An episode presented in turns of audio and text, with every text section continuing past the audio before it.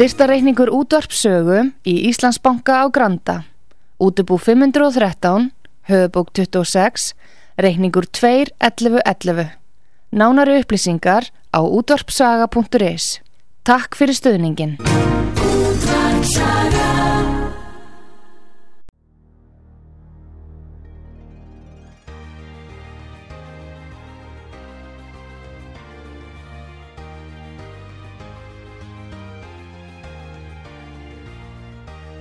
Heimsmálinn í umsjón Pétur Gunnlaugssonar.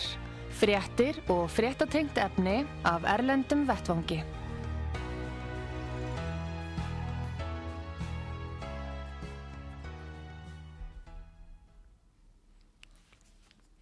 Góðir eh, hlustendur, þér að hlusta á útvart sögu. Ég heiti Pétur Gunnlaugsson og eh, gestum minn í, í þessum þætti er eh, Magnús Þór Hafsteinsson, reytuundur og þýðandi. Velkomin Magnús. Já, takk fyrir það. Nú við munum ræða um bók Max Hastings sem ber heitið Kúbudeilan 1962 sem að þú Magnús þýttir en þú hefur þú áður þýtt verk hans hérna Max Hastings, Vítislogar Heimur í stríði 1939-1935 og svo Kóru í stríð 1950-1953 Já. Þannig að þetta, eru, þetta er stóru merkilegur höfundur og, og þetta er góð þýðing hjá þér þannig að þetta eru mjög vandaðar bækur. Ég held að fólk eigi að gera sig grein fyrir því Já, það er búið að vera mjög ánægilegt að vinna þessu verkefni. Þetta er þriðja bókin á þreymur árum eftir Max Hastings og, og nú er þetta orðin bókaflokkur, ef svo má segja.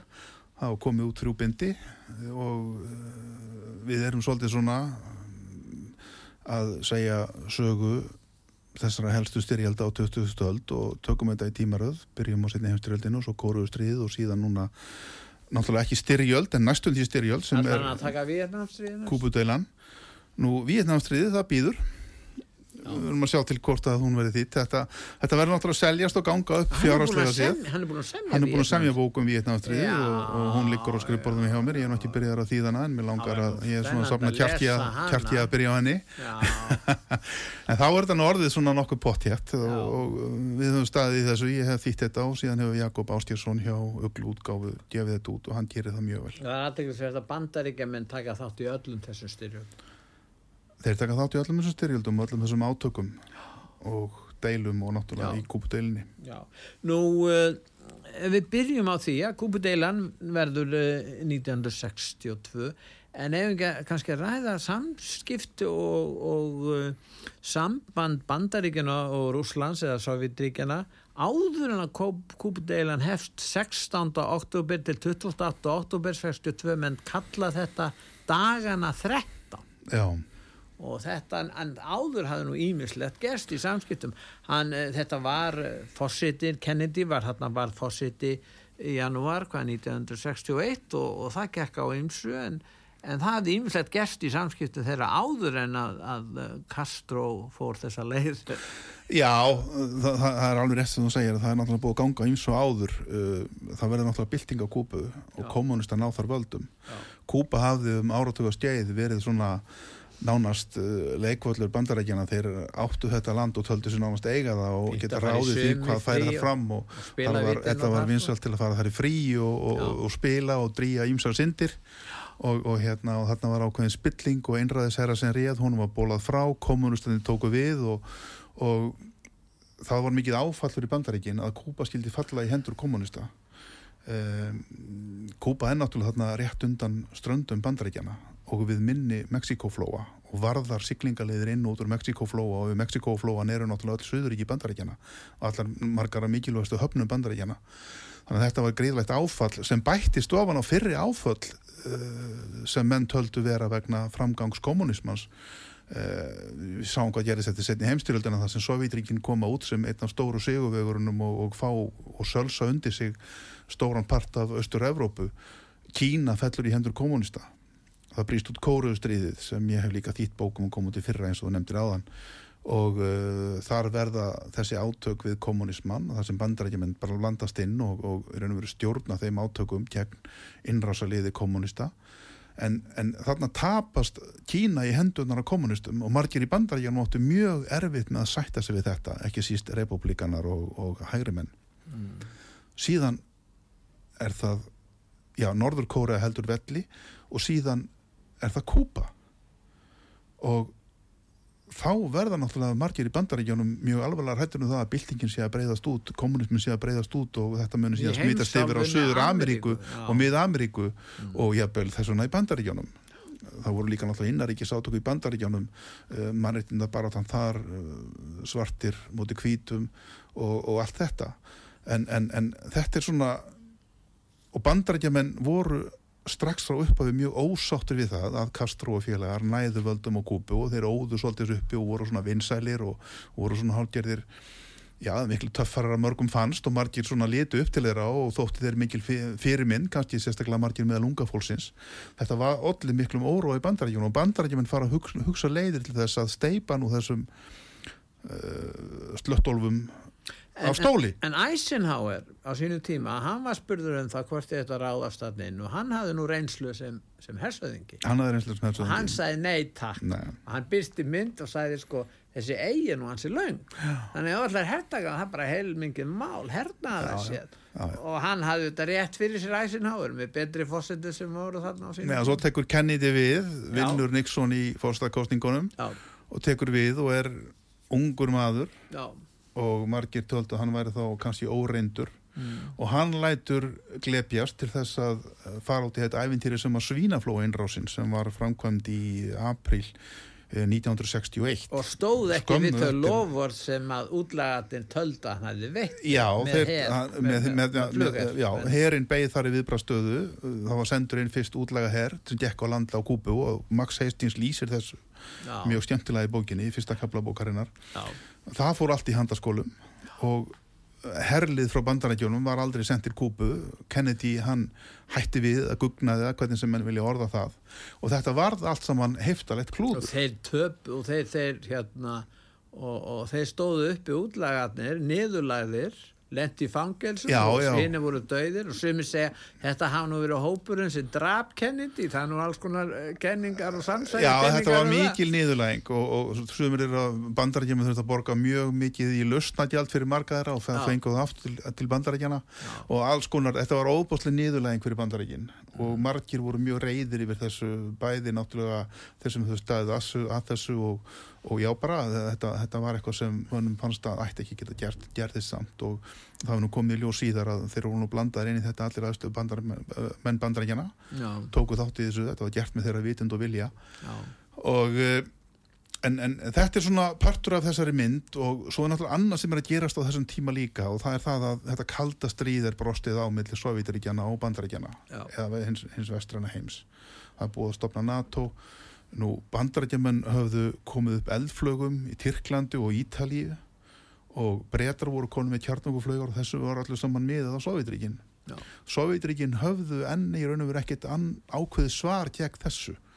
Þeir réðu ekki yfir eh, nógu langdrægum eldflögum til að ná til bandarækjana og eða nógu mikið það. Þeir áttur henni ekki, bandarækjaman voru alltaf svona ofsóknaróðir og, og töldu hjá sjálf og sér trúum það að það veri mikið, mikil gjá að milli Sovjetríkjana og bandarækjana. Sovjetríkin ættu miklu meira kjarnagóðum heldur en bandarækin.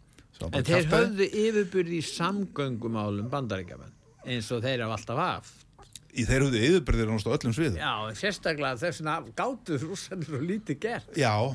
Sambandi við flotan og... Rússanir voru náttúrulega fullir af svona vannmáta kjent og, og, og eru það uh, jafnvel enn í dag. Já, já, já, uh, með eilífa kompleksa og hérna, og hérna en þarna er náttúrulega bandarækinni með algjör að yfirbörðastöðu í heiminum. Þau eru leiðandi afl í heiminum. Það er enginn sem kjænst með tærnar þar sem þeir hafa hælana En, en, en þá voru þessar eldflögar sem höfðu verið settar upp og svo var náttúrulega eilífa þrætu eplið, það var Berlín. Já. sem var inn í austur Þískalandi Þískalandi hafi verið stift upp eftir setni heimstyrildina Verja Vesturberlín. Verja Vesturberlín. Og Khrushchev hann er þarna orðin aðreitar í Sovjetaríkjana og hann var óheflaður maður.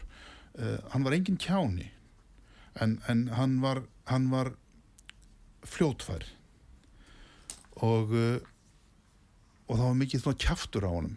Hann, hann var mikið fyrir það að svona að yppa gogg og gera sér breyðari heldur en hann hafði kannski innistæðu fyrir. Og, og hafði mjög gaman af því að hrella vestræna stjórnmálamenn með hótunum um einmitt kjarnorku árós og spurði þá jáfnir reynd út hvað tilur þú að þurfi margar kjarnorkusprengjur til að þurka út stóra Breitland Já. Mennum þótti þetta náttúrulega ræðilegt að þurfa að Já, sitja undir svona móðgandi þetta var eiginlega svona lítilsvirðandi og móðgandi og menn vissu fyrst ekki alveg hvernig átti að taka á þessu margir á hvaða leið þetta var hjá sér Mm. en, en, en hann var svona í háttum Já. og fljótfari eins og ég segi og þarna er náttúrulega komin bandarækjafórseti sem hann kannski vannmetur Til að byrja, þeir hittust í með já, já. Var það og hann kannski lítur á Kennedy, John F. Kennedy sem þarna sé ungur maður, Já. óreindur óörugur og það, þetta gefi Khrushchev og Sovjetregjónum færa því að sækja fram með einhverjum hætti og koma bandaregjónum í vandræði Mm. og Khrushchev fær þessa hugmynd Já. hann segir við uh, Malinovski sem var yfirmaður herrað Sovjetríkjana hersaðingju og stríðsetja uh, eitthvað á þá leið að uh, hvað finnst þér ef við myndum nú stinga brottjælti ofan í nærbjöksunar og sami frænda Já. og það var þessi hugmynd að koma kjarnorkuflögum fyrir á Kúbu í bakgarði bandaríkjana undir kviðnum á bandaríkjanum Já. án þess að bandaríkjaman vissu. Síðan ætlaði Khrushchev að mæta á um, uh, allsérðaþing samniðu þjóðana í New York uh, og flytja það ræðu og greina frá þessu að sovjetminn væri búin að koma upp kjarnokku flögum á Kúbu. Þetta er 1962 Khrushchev fær hugmyndina í april kynir þetta fyrir miðstjórn Sovjetríkjana og þeir fallast á þetta. Þeir frétti ekki af þessu bandaríkjamenn Bandarík, nei það er nefnilega það sem er svo undarlegt að þetta Leini þjónusta þeirra er nú ekki eins Leini þjónustur, Pétur, leini þjónustur almennt virðast bara vera mjög Við sáum það með Mossad núna 7. nákvæmlega, það var einmitt það sem ég ætlaði að segja. Að það, það, það er oft þannig í heimi alþjóð og stjórnmálana og heimi og, og sögu þessara stríðstátaka ofta tíðum er það þannig að það er eins og menn hafi kannski ekki þegar áþarf að halda svo mikla hugmyndum það hvað anstæðingurinn er að bralla Ég samanbjör vannmat Vesturland eða ofmat Vesturlanda á Sovjetríkjum og Já, hérna já, og já, bara tómt, Já. tómt rugl og Já, þvæla já. sem var borðað að borða af, af, af hérna uh, mentamönnum, jafnvel fólki í háskólasamfélaginu annað og, og margir trúðu þessu en þetta er bara tómt rugl og, og hérna, bæði þetta vittleysar upplýsingar og svo líka engar upplýsingar. Og það var það sem gerðist þarna á kúpu að, að þetta fer strax á stað hjá sovjetmönnum, þeir byrjaði þarna strax sumarði 1962 að uh, senda lið flutningaskip til Sovjetríkjana og undir því yfirskinni að þetta séu landbúnaðarvörur, landbúnaðarvélar og ráðgjafar sem er að hjálpa uh, kúpverjum að byggja upp landbúnað, kúpa var náttúrulega mikið landbúnaðarland og, og Já, menn sjá að þessi flutningaskip fara að sigla hann að suður eftir, bandarækjum menn taka náttúrulega eftir því Já. en, en, en, en, en sovjetmenn halda þessu fram og þeir dulbúa jafnvel alla þessa hermenn sem skiptu sko, ég heldur að hafi flest orðið 50.000 Já. að, þeir dulbúa þeir látið ganga um í vinnufötum og, og, og, og lát, þeir eru ekki neinum einkennisbúningum Nei. og einhvern veginn er það svo að, að það er ekki fylst með kúpu það er ekki flóið njósnaflug yfir kúpu yfir áhugaverðstu staðin á kúpu til að aðtuga hvað er í raun og veru í gangi.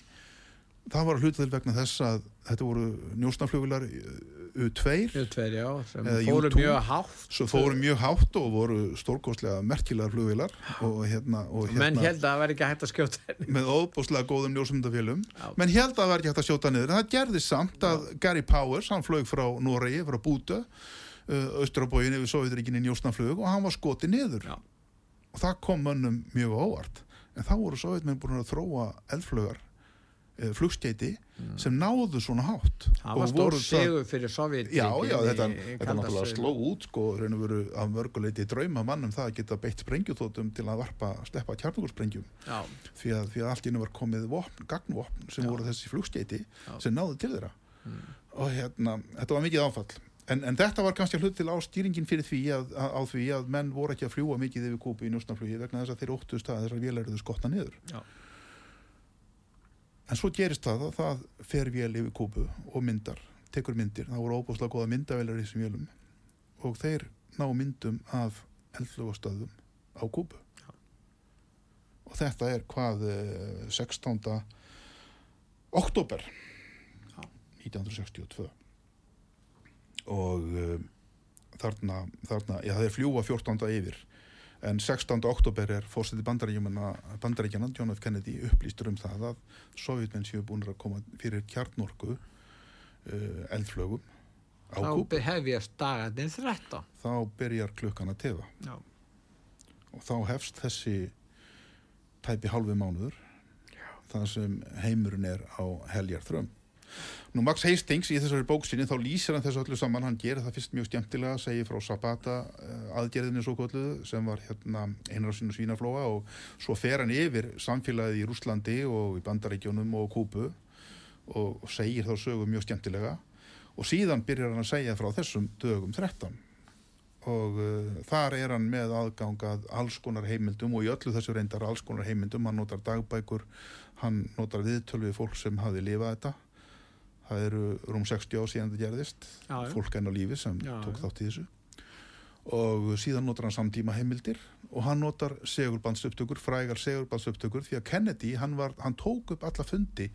Hann let mynda strax teimi nefnd X sem var kallið XCOM sem voru hans helstu ráðgjafar bæður úr hernum en líka úr stjórnmálunum. Og uh, þeir sátu á fundum í kvítahúsinu og rættu þessa hluti fram og tilbaka, hvað eigum að gera, hvernig eigum að bregðast við, hvaða valkosti höfum við.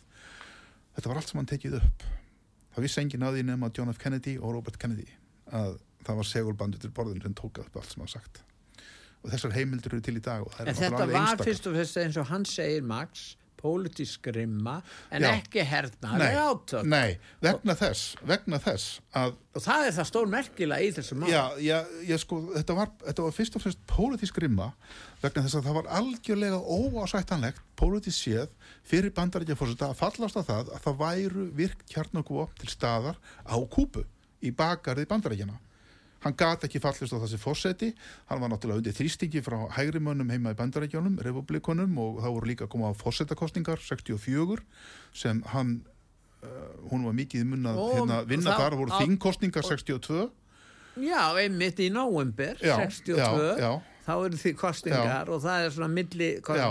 Og þá er kosið til allra fulltrúa deildarinnar Já, og þriðjungur öldungadeildar. Þeir eru hrætti við að missa það já, já, en því, eh, svo höldum áfram með þennan þráð að hérna áður en við höldum áfram að hérna, sko, herfræðilega séð þá kannski skiptu þessar kjarnorkuflögar á kúpu engu máli þegar til lengri tíma er þið litið.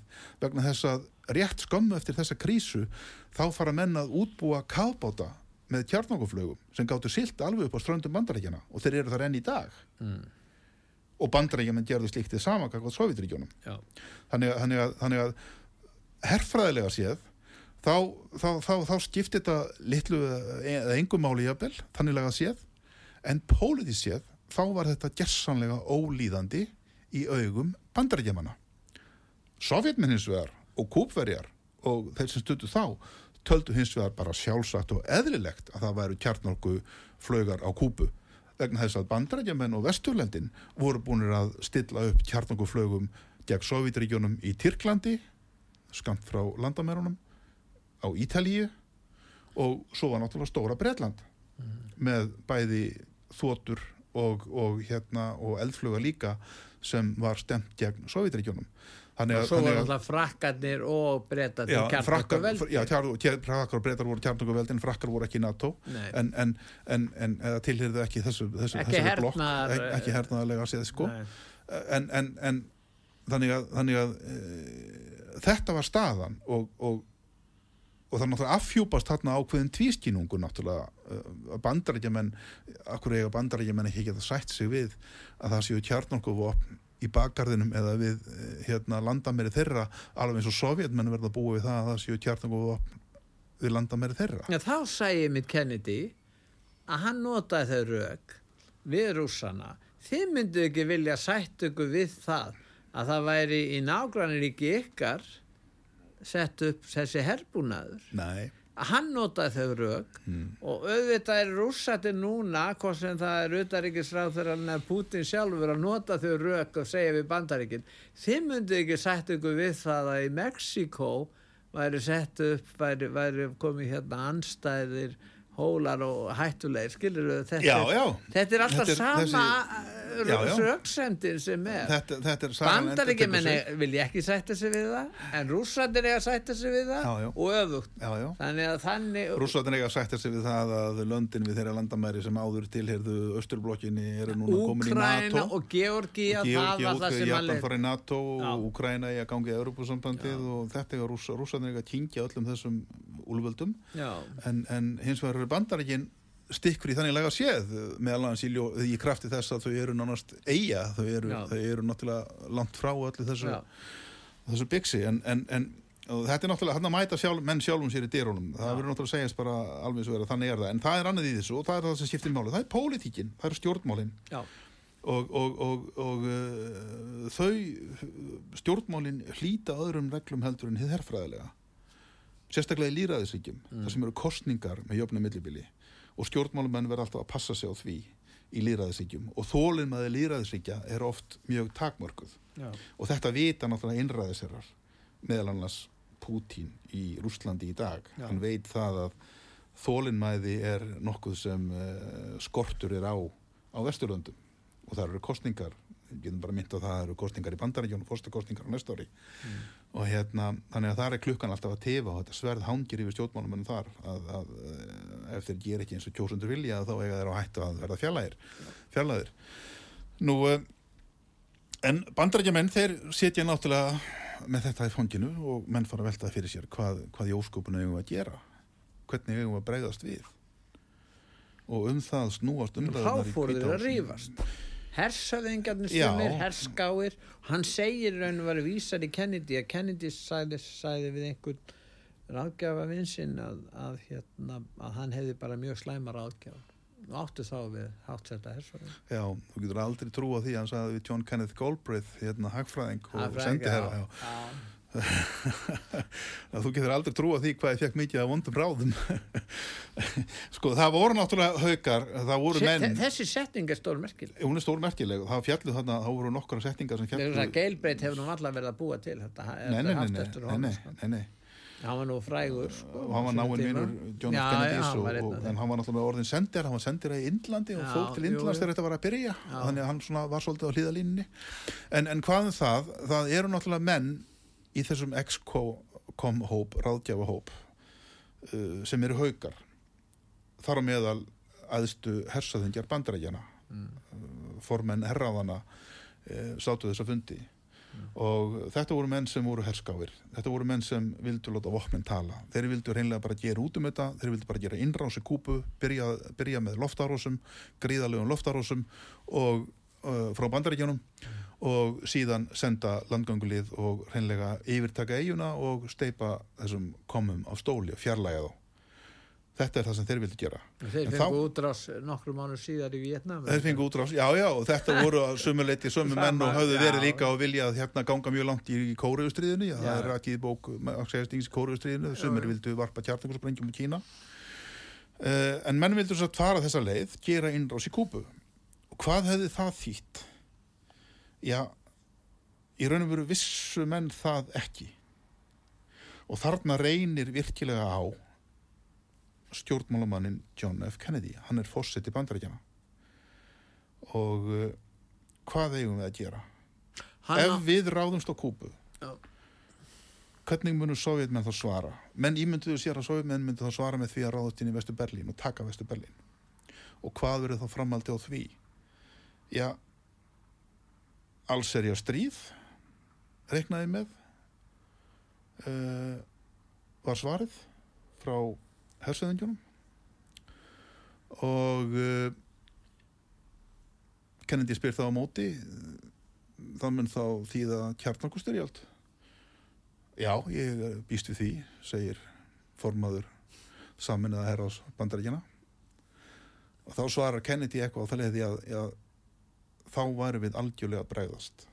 Það, það þá með því myndum við bregðast endanlega. Og þetta er til á upptöku. Þarna kemur fram snemma í deilunni að John F. Kennedy gerir sér mjög vel grein fyrir því að ef þetta fer úr böndunum þá muni það enda með stjelvingu fyrir gerfalt mannkinn og uh, hann fer að hugsa það hvernig reynum við erum í bakkútrössu og hann, hann ákveður að flytja sjónvarsávarp meðal annars í beinni útsendingu frá kvítahúsinu og þar greinir hann bandaríku þjóðun og heiminum öllum fyrsta sinni frá því. Það hafði liðið þarna nokkri dagar frá því að hún var ljóst að þá voru þessi vopp komið til kúpu þannig að hann flytur þetta ávarp og þá segir hann frá því að þessi vopp séu á kúpu og það verði ekki liðið og ef sovjetmenn fjarlægi ekki þessi vopn að þá muni bandaríkin grípa til þeirra aðgerða sem þau þurfi til að, til að þetta verði fjarlægt og í því lánáttúrulega hótunin um innrás á kúpu Já. og um, En nú var Kennedy svolítið einangraður, hann hafði bróður sinna, hann treysti honum. Bobby, já, Já, Robert hefur þessi dómsmálaráðherra. ummæli sem við fáum aðan með í sambandi við hann treysti að hann hefði haft slæmar áðgjafa.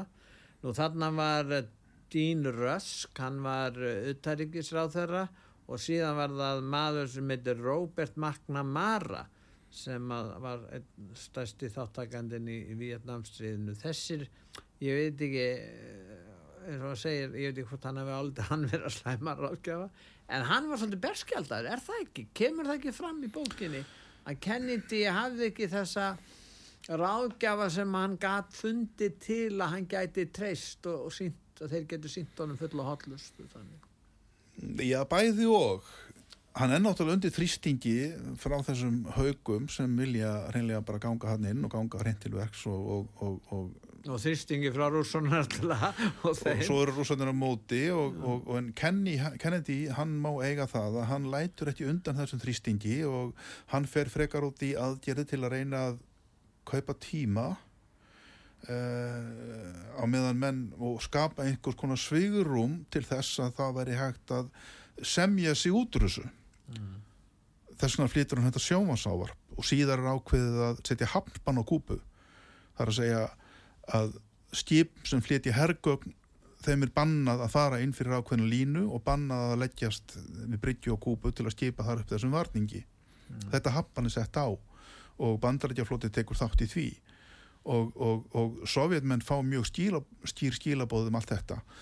Eh, annað sem er og það er það að þegar Khrushchev gerir sér grein fyrir því að bandarætjamenn hafa þarna uppkvötuð að hvað sovjetmenn eru að gera á kúpu að þá má hann eiga það þó hann væri fljótfær og allt það að þá var hann engin kjáni þanniglega séð.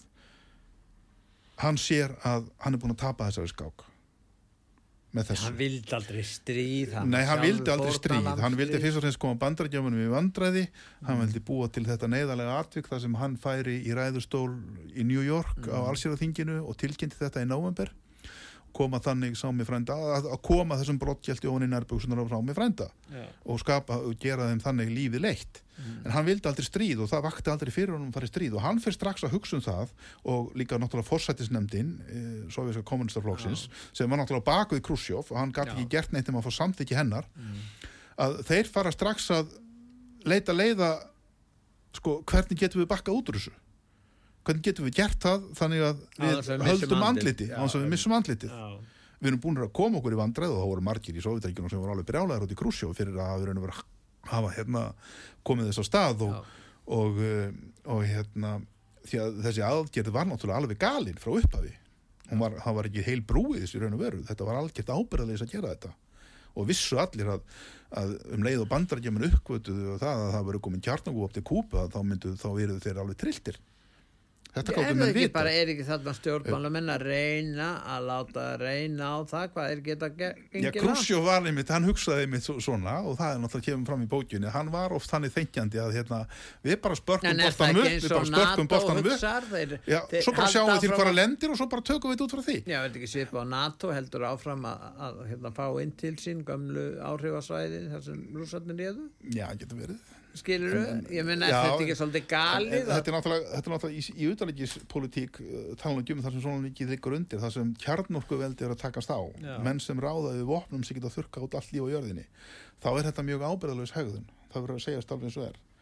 En sovjetmenn, þeir fari í það að reyna að bakka út úr þessu. Já, og hérna og menn, svona, það eru þreyfingar og það kemur svolítið óvart og er mjög skrítið að lesa um það í bókinni hvað samskipta leysið það mikið hvað öll hérna fjarskipti Já. voru frumstæð menn notuðu fjölmiðlana, ljósvakamíðlana til að koma bóð á milli þar að segja þeir fluttur sjónvarsræðu eh, eða letu lesa upp stílabóð Moskú, út- gegnum Moskú útvarpið frá Krusjov til Vestuveldan og til Bandaríkjana þetta var sendt gegnum útvarpið að hérna, eh, ef menn ætlaði að senda einhver bóð á milli þá var það að gera það með símskeitum og þetta var sendt í dulmáli, þetta tók marga klukkutíma bóð að berast á milli alveg galinn staða tala ekki um í svona hættu ástandi sem bjötu fyrir þetta orðið betra í dag að hérna ráðamenn geta skipst á skeitum nánast beint hverfið annan minni Það eru til boðleiðir- það eru líkur til í dag. mistökum. Minni líkur á mistökum og misskilningi. Já. en það eru alltaf svartir svanir og með svörtum svönum á ég við að uh, þetta er hugdag sem uh, kom til út af því að menn töldu áður fyrir að það veri bara til hvítir svanir í heiminum. Já. en svo allt í hennu fundist svartir svanir í Ástralíu held ég. Og svart, hugtaki svartur svanur það er það að gerist eitthvað alveg ófyrir séð, alveg óvænt eitthvað sem enginn hafði látið sér detta í huga að gæti gerst.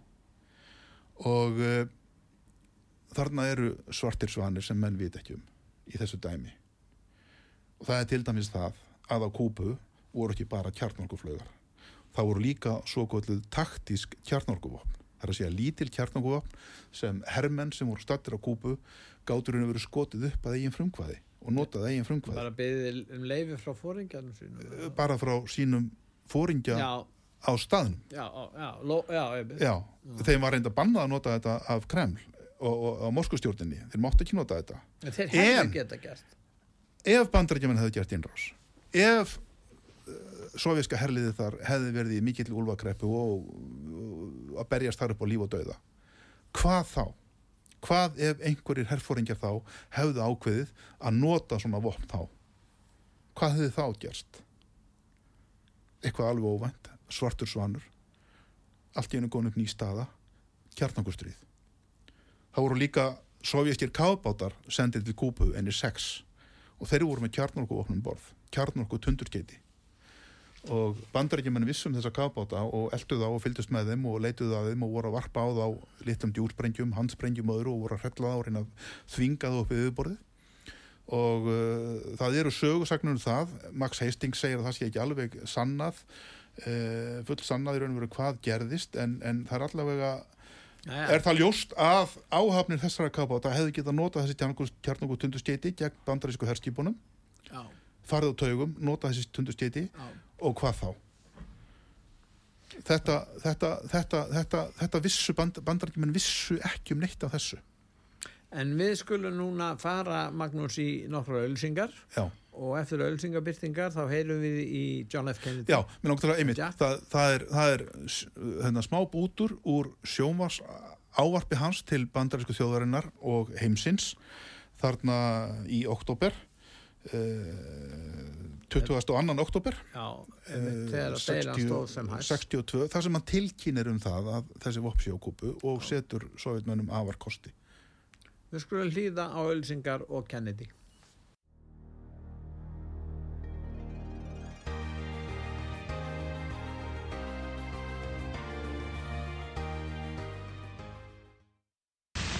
Shall be the policy of this nation to regard any nuclear missile launched from Cuba against any nation in the Western Hemisphere as an attack by the Soviet Union on the United States, requiring a full retaliatory response upon the Soviet Union. I call upon Chairman Khrushchev to halt and eliminate this clandestine, reckless, and provocative threat to world peace and to stable relations between our two nations. Já, hann er áskorun hans til Kursjef og Holton Já, já, þarna, þetta er mjög merkileg ræða og alveg stórkostleg ræða. Þarna, þarna talar alvöru stjórnmálumæður, alvöru leiðtögi og, og hann flytur þessa ræðu mjög vel, þetta er á YouTube og efnum myndbæðum þetta sjá þetta í heilsinni þar. Og, og uh, sko, það var gæfa einsbyðarinnar að það voru mjög hæfir menn að mörguleiti þó þeir væri náttúrulega kannski gallaði líka. Já, já. Að, að þetta voru mjög vel gefnir menn sem sátu þarna uh, ég hef ekki sagt begja vegna borsins Dín Rösk, Udaríksráð, svona hófsamur maður. já gott. já, já, og, og fleiri Robert McNamara þó hann ekki síðar eftir að skemma fyrir sinn í Vietnamstríðinu mjög snjallmaður, nú John F. Kennedy sjálfur fórsetin, afar vel lesin Bróðir hans, vel sem- gefin, hafði ferðast víða bróðir hans Bobby Kennedy mm. þetta voru alls saman mjög snjallir menn, já, það er alveg óhætt að segja það og það gæfa að þessir menn voru einmitt þarna á þessum tíma þeir voru uh, nógu þroskaði til að geta sérst niður og rætt málun í þaula Já. fram og tilbaka, já, varpað fram ímsum tillögum mm. hugleitt þær, rökrættar sín á milli fórsetin stýrði þessu öllu saman John F. Kennedy mjög vel og hann tók náttúrulega loka ákvarðaninnar og hann sem betur fer ákvaðan ekki ákvaðan að, að fara ekki að þeim ráðum að ráðast á kúpu þó að, þó að hafinn væri undirbúningur þess vissulega. Uh, hann ákvaða að býða og doka við og sjá til hvort hann mætti ekki semja. Og Khrushchev, þó að hann væri eins og hann var að þá vildi hann heldur ekki stríð. Hann vildi líka leysa þetta með einhvers konar samningum. Og um, sem betur fyrir það þá var það niðurstaðan. En það sem hann segir að Max í raun og veru, kjarnorku styrjöld hefði geta brotist út á milli bandaríkjana og Rúslands sem leiti til allsherjar tortímingar mann. ekki spurning, sérstaklega ekki síst í ljósi þess að þarna voru vopnakerfin einfallega með þeim hætti að uh, hermenn liðsfóringjar á vettfangi gátu skotið þeim á loft. Ég ætla að vona að þetta sé ekki svona í dag þannig að ég viti það fyllilega. En- en, en, en þetta var bæði svona hjá bandarækjumönnum og líka hjá sovjetmönnum og það gat komið upp einhver miskilingur, það gat einhver farið á taugum, einhver tröflast eða hvað sem var. Nú eða þá að, að hérna, menn gerði þetta í einhverju örvæntingu eins og ég lísti áðan. Þetta gat alveg hæglega gerst. Svo voru líka menn á vegum uh, Sovjetríkjana eins og til dæmis sendiherra ráðstjórnaríkjana í Washington, Antoli Sobrínin, Dobrínin, Dobrínin, já, já. Dobrín og hann, hann átti viðtöl og samtöl við, við heldur Robert Kennedy. Já, og þeir, það, það var til þess að læja, draga úr, úr, úr spennunni og, og ég held að það hefði átt þátt í því að þeir hittust að, til að, að ná árangri. Ég þarna kemur að ljósa að það borgar sig að hafa diplomatíu, það borgar sig að hafa, sko, þess- það borgar af sig að, að séu, séu til staðar sendiherrar og einhverju sem hægt er að tala við. Þess vegna er að tala um það með Úkrænu og jafnvel Ísrael. Hvar er já. Hvar eru utanriksar? Hún er- Ef það við það hefðum menn þessar sem varst að lýsa Mm. í Washington í dag, hefði komið betur út? við Já, það? má alveg spyrjast þeirra spurningar til dæmis bara það að Úkrænustríði skildi yfir höfuð brjótast út. Það er enn eitt svartur svanurinn. Já, eitthvað já. sem gerist sem enginn hafi trú að myndi gera sem gerist samt. Já, annar svartur svanur er síðan 7. oktober síðastliðin uh, árás Hamas á Ísrael. Eitthvað sem enginn hafi trú að myndi gera sem gerist samt. Og maður spyr sig bara núna uh, já, það eru fleiri svartir svanir hann úti, hver verður næstur en einmitt réttið eins og þú segir að, hérna, að með, við tökum Úkrænu að það er náttúrulega eiginlega sko, það eru geysileg vombriði að stjórnmálamönnum bæði vestrænum og líka rúsneskum að, að stjórnmálamenn begja þessara fyltinga skuli hafa látið það gerast að þetta stríð braust út. Að menn skuli ekki hafa gripið í taumana áður en þetta fórið þennan hnút. Þetta voru- óefni. Það voru sendt bref í desember 2021 já, til ríkjana, þar á meil til Íslands. Mm, og eftir mínum heimildu þá var því ekki svarað. Næ, og það var bara svona loka viðvöru núsana já, svo í februar eru skriðdregar með konar að landabælunum og það er ekkert verið að semja. Það er ekkert verið að segja hér á Vesturlandum já við þurfum bara að ná einhverju samkomulagi eitthvað svoleiðis. Nei, nei, það var ekkert er- samið.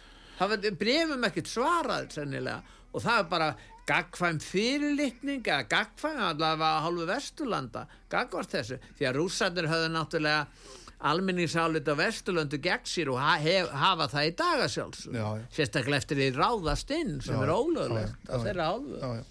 þannig að, að þetta fór svona. þessi harmleikur er látin gerast og, og hefur náttúrulega kostað alveg gríðarlegar þjáningar og, og, og mikla peninga og heldur, heldur áfram heldur áfram og heldur okkur öllum í þessu ástandi í mjög ótryggu ástandi Já. og eru verið til langstíma litið algjörlega óþólandi ástandi sem ekki batna síðan við ófriðin sem brýst út í miðausturlöndum mm.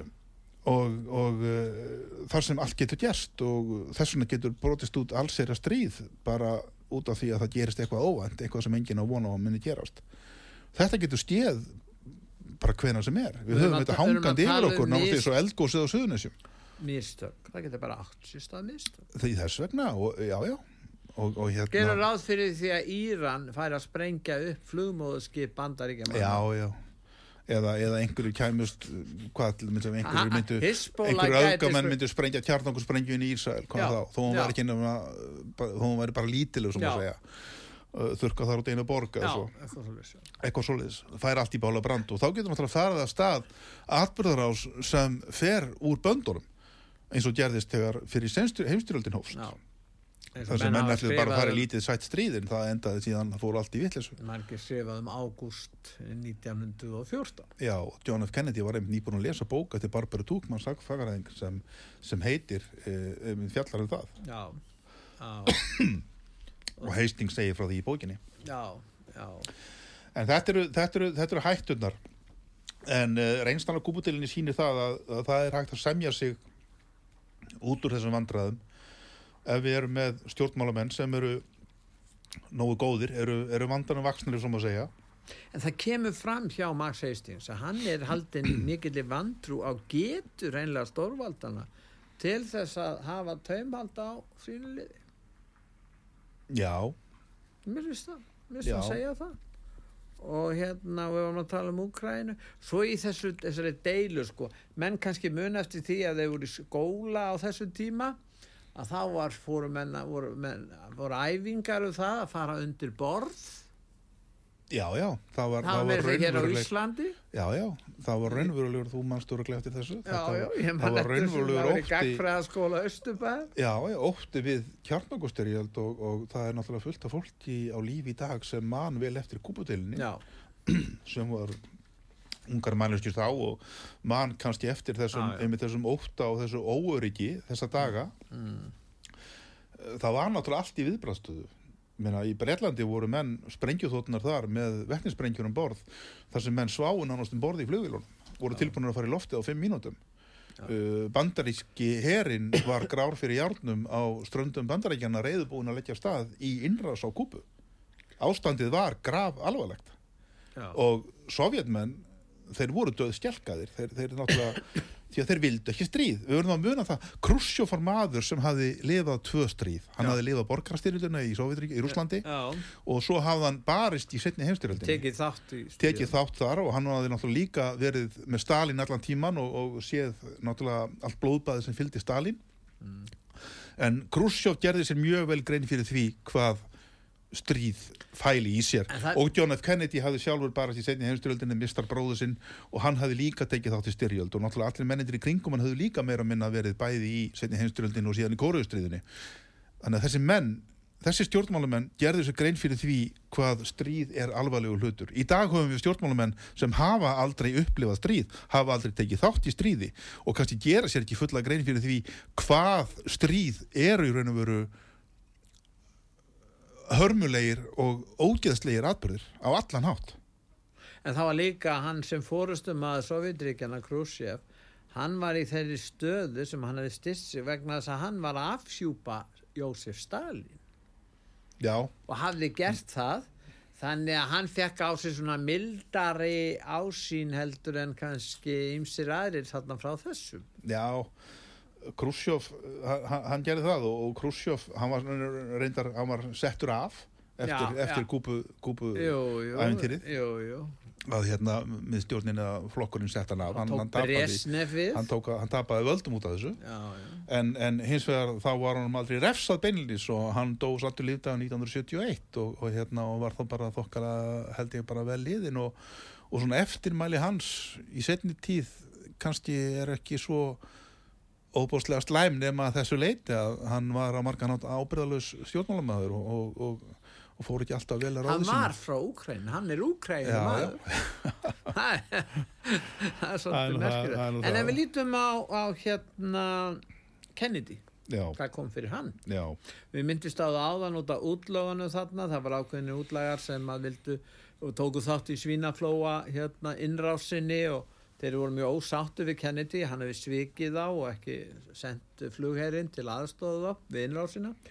Og uh, það hefur verið setta fram kenningar, Oliver Stone gerði mynd, þekta mynd um, Kennedy morðin já, og, morði, og, og hérna og uh, það er sett fram svo kenning að þessir útlagar hafi verið þarna hluti af samsærinu skegg uh, Kennedy að allir að drepa Kennedy. Mm.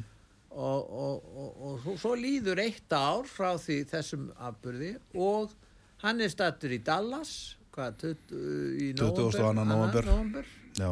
og uh, þetta er eiginlega ári síðar rúmlega Já, það sem John F. Kennedy mætir byssugúlunum úr bókatjónslunni. já, Já, það, veldur mér alltaf mikill sorg sá atbyrður. Það var Kennedy, John F. Kennedy var glæsilegur fósiti og, og, og eins og ég nefndi áðan afskaplega velgefin maður við lesin og, og uh, við eigum honum mjög mikið að þakka. Það var mikill skada að missa þennan mann, hann var ekki nema 46 ára gamall. og fá manni svo B. Johnson Lyndon B. Johnson fær mjög góða engun hjá Max Hastings. Max Hastings segir að B. Johnson hafi verið aðbörða stjórnmálumæður. Það er ekki allir því. Nei, allavega framan af og, og Lyndon B. Johnson kom lítið að kúpudilinni, hann var svona Nei, hann kom mjög að, að, að, Vietnam, já, já, hann já. fekk það allt í fangið Já. en, en, en uh, Max Hastings lýsir Lyndon B. Johnson sem manni sem hafði ekki mikið vita á utanríkismálum en hins vegar var hann mjög góður í að lesa bandarísku þjóðasáluna kannski bestur allra í því en hvað um það, John F. Kennedy hann var myrtur þarna, já, 22. november og uh, 1963 og þrjú. Já, núna miðugdægin eru liðin 60 ár síðan þetta Já. gerðist. já, og uh, kúpudeilan, lausn kúpudeilunar það er að segja að það tókst að leysa hana án þess að það kæmi til opnaðara átaka án þess að það kæmi til stríðs, án þess að það kæmi til allsýrastríðs, kjarnangustríðs menn listu það með samningum. Mm. uh, að sumuleiti á bakvið tjöldin við sovjetmenn uh, bandarækjamenn hétu því að þeir myndu ekki ráðast á kúpu þeir lofuð að fjarlæga þess að fluga frá Tyrkland og Ítalíu. Uh, en þetta var svona á bakvið tjöldin óumbarlega en samt sem áður, sovjetmenn fjallust á þetta og lístu því yfir að þeir myndu fjarlæga sitt gós frá kúpu sem þeir gerðu strax. Hófurt strax að handa við að taka það niður og, og, og fóru og voru bara farnir eftir örfáa vikur með allt sitt dótt um, síðan eftir það var Kúpa í raun og veru látin í friði á bandarækjumannum bandarækjumann hafa aldrei ráðist inn í Kúpu þó að Kúpur hafi oft storkað þeim og, og hérna farið í tögarnar að þeim að þá hefur það aldrei gert. Og, Kúp, og Khrushchev hann stærði sig af því síðar í endurminningum sínum að Kúpudeilan hann var alltaf að brattur Kúpudeilan hún var mjög snjall það var mjög snjallt bræð það mér því að með henni þá tryggði ég það að byltingin á Kúpu festist í sessi. Ég kom í vekk fyrir það að bandarækjumenn réðust inn í Kúpu og fekk fyrirheit þeirra um það að það er ekki gert. Þetta ævintýri skilaði þó þessu. Það má segja það. Já, það má kannski segja það En það sem þeir gerðu, en- kúpumenn, þeir sendu hellið til Afríku Já, og þeir voru með en- afskipti í Suður Ameríku og bandaríkjumenn skiptu sér ekkert að þessu. Nei, natuðu það Pétur, eftir þetta og Hastings bendir á það í bóksinni í loka kaplanum að eftir þetta að þá virtu menn þar að segja Varsjálfblokkin og NATO-blokkin virtu menn í raun og veru svæði hvors annars. Þeir voru ekki að augra hvort öðrum með beinum hætti eins og til þess að gert á kúpu að hérna, menn stigu varlegar til jarðar eftir það. Og kannski var þetta kúpaæfintir öðrum fræði til þess að það varð ekki stór slís setna í karlastriðinu Þeir höfðu þroska til að draga lærdóm af menn höfðu þroska til að það lærdom að þessu og það komust á svona legg, einhverjar svona óskrifaða reglur um það að augra ekki öðrum með þeim hætti að það gæti leitt til, til eh, þess að allt að fjandinn er laus. Já, en við megum þakka John F. Kennedy það að þetta listist með svona farsalum hætti og kúpudeilan lausn hennar er að mínum mati mesta afrek hans sem stjórnmálumanns og heimsbyðin stendur í eilífrið þakkaskuld við þennan mann fyrir það að honum skildi hafa tekist að lenda málum úr þessari erfiðu stöðu. Nú- því miður fór það svo að hann var dreipinn og það eru 60 ár eins og ég sagði áðan eftir tvo daga frá því að hann var myrtur í Dallas. En þetta er vöndu útgáð hjá Uglu. Ugla hefur gefið út þarna uh, vítislogar, heimur í stríði sem þú þeitir Já. og kóru stríði. Þetta Já. er allt saman, þetta er lagt mjög mikið í þetta og þetta, Jakob, er. Jakob er alveg frábær í sínum útgáðamálum Jakob Ástjársson sem á uglu og hérna hann gerir þetta mjög vel þessar bækur eru mjög vandaðar í útliti, í fallegu Já. bandi fallegar kápur, prentar og mjög vandaðan pappir og mjög vel að þessu staði á allan hátt, alveg til fyrirmyndar og ég er afskaplega stoltur af þessum bókum að hérna hafa fengið að koma að þessu. Og, og ég hef svona verið að stilla þeim upp fyrir framar með öllum þremur og eins og ég sagði held ég upp að þetta er að verða bókaflokkur. Það eru konar þrjár, það eru mjög fallega saman. Já. og Og þú hérna býður eftir Vietnam bara? Ég er svona að manna mig upp í það að fara að byrja að þýða Vietnam ég vona Já. að það verði gert því að hérna, en eins og segi þá verður þessi bók að seljast. Þetta verður náttúrulega að standa undir sér. En, hérna, en svona bókmentir, svona bækur þær þurfum að koma út hér á Íslandi. Við þurfum að þekkja alla þessa sögu. Við þurfum að lesa um þessa hluti og reyna að draga þeim lærdóm, þetta getur kent okkur svo margt bara eins og þess kúputilina hvernig hún var list getur kent okkur svo margt um það og hvernig við getum að kórustriði líka þar voru líka mjög hæfur menn sem kom á því og leistu það á endanum En er það ekki líka vandamál hjá okkur Íslandingu? Við þekkjum ekkert vel sögu bandaríkjana. nei, við, Það er til dæmis í skólum hér á Íslandi, þá er saga bandaríkjana ekki kenn. nei, Það er nei, helst á borgarastyrjöldin já, já og síðan hvað farið var illa með svertinga í Alabama. það kemur allt og lítið út af svona bókum á Íslandi það er að segja Ja. bókum um sakfræði og stjórnmál og Já. annað sem geta kent okkur svo margt við erum allt og væru kæri þessum efnum og Já. hérna, og en, hérna en, en það sjáum við það í pólitískrum ræði því miður. já því miður, pólitísku umræði og, og bara líka bara, já. Því miður, já, það er að vera að segja eins og er að hérna en ég vona að þetta sé allavega svona gott innlegg í, í stöðuna eins og hún er núna. Staðan í alþjóðamálum í dag er mjög hættuleg. Margir sem hafa bent á það. Já, Björn Bjarnason til dæmis uh, hefur sagt það reynd út. Hann er nú, mikið vita á öllum þessum málum að, að, að staðan hafa aldrei verið jafn hættuleg nú og síðan í, frá því í setni heimstyrjöld ég hygg að það sé rétt. Og eins og ég segi og ég vil segja hér, nota tækifærið að hérna ítrekka það að við verðum að passa okkur á svörtu svönunum. Þeim fjölgar eftir því sem spennan ekst ástandið verður ískíkilegra þá ekst hættan á því að eitthvað óvænt gerist. Og við þurfum virkilega að stíga varlega til jarðar og þurfum að leita leiða núna til þess að leysa þessi vandamál. Það er náttúrulega alveg augljóst að úkrænustriðið þetta getur ekki gengið svona mikið lengur. Nei. það verður að menn verða að fara að setjast niður og tala saman. Þetta er orðið að þreytistríði skotgræðahernaði með gríðalegum þjáningum, mannfalli, það gengur korkinni rekur og rekar rússam í En, burtu. en, en, þú- en það er ímsi sem hafa talsverða þekkingu á auðvitaðriksmálum en styðja samt þessa stefnu sem er rekin í Úkrænu að Úkræna sigri Rússlands og Vesturland eigi að styðja Úkrænu þar til að, að siguri líka Já, en menn verða bara það, það, menn geta að tala svona til að byrja með. En, Þeir eru búin að tala svona Já, já, en, en menn verða að gera sér grein fyrir því að stundum með staðan þannig í stjórnmálum og stríður ekkert annað en stjórnmál. Þetta er bara stjórnmál háð með vopnum. Að, að, hérna, að menn verða einhver tíman á endanum og það er þannig í öllum styrjaldum að menn verða að setjast niður og semja um frið. Já, og stundum er það þannig að þú verður að greiða eitthvað verð fyrir friðin þú verður að sætta þig við þá stöðu sem er og staðan er einfallega svo að rússar eru búin að ná þessum svæðum. Kannski vilja að láta eitthvað að hendi tilbaka ég veit það ekki, í samninga viðræðum mm. gegn því að þessu stríði verði hægt en þeir vilja sátt halda einhverju Já, eins og Donbass og Krímskaga.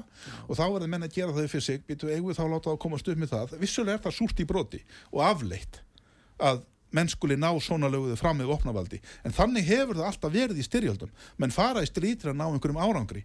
Stundum náður árangri og stundum vinnaði sigur. Og þá verða menn að sætta sig við það skilur þau Tjóðverðir eru að sætta sig við það að tapa setni heimstyrjöldinni skilirislust, Japanin sömu leiðis það kostaði þá heil mikið Þískaland var hernumið og því var skipt niður á milli sigurvegarna Jap Japan sömu leiðis og hérna, að, að, þetta er bara hinn kaldi raunveruleiki.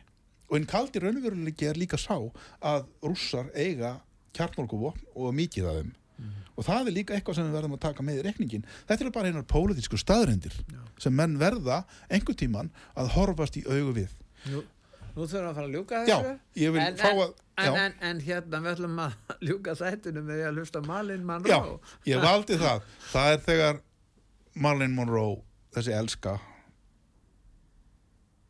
sem dó örfáum mánuðum áður en Kúputilan brast á. Hún dó 5. ágúst já, 62, já, réttur um meða 30. hún tengist Kennedy bræðurum svolítið Já, allavega í kjæftasögunum. já, já slúður segir það En mikið tjón að missa hana.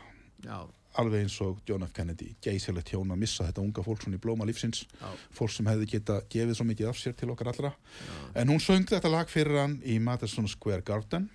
eh, þegar hann varð, var haldið upp á 45 ára ámæliðans já. Happy Birthday Mr. President og ég vil enn og aftur segja það að, og ég er mjög reikin af því að þessi bók Kúpa Dylan um mesta pólitíska afreg John F. Kennedy arfleð hans kemur út einmitt nánast upp á dag þegar 60 ári liðin síðan hann var myrtur. Við eigum þessu manni gríðarlega mikið að þakka. Við megum aldrei gleyma því þó hann hafi verið eins og hann var kannski að einhverju reyti gallaður, umdildur að þá var þetta mjög merkilegu maður. Við skulum heyra Marlene Monroe syngja þetta fyrir fósitan og Guð blessi minningu Jones Fitzgerald Kennedy Takk að ég fyrir að koma til okkar, Magnús Takk fyrir Marilyn Monroe.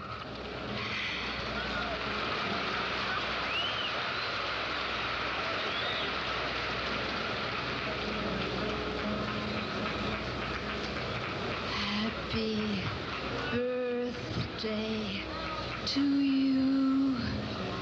Happy birthday to you. Happy birthday, Mr. President. Happy birthday to